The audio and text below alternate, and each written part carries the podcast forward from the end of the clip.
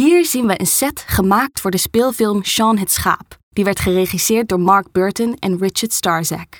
De speelfilm is gebaseerd op het gelijknamige tv-programma dat vanaf 2007 op de BBC werd uitgezonden.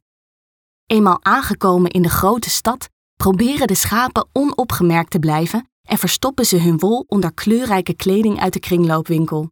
Ondanks hun opvallende silhouetten en pogingen om op allerlei manieren op te gaan in de plaatselijke bevolking, zetten Sean en zijn vriendjes de hele stad op stelten.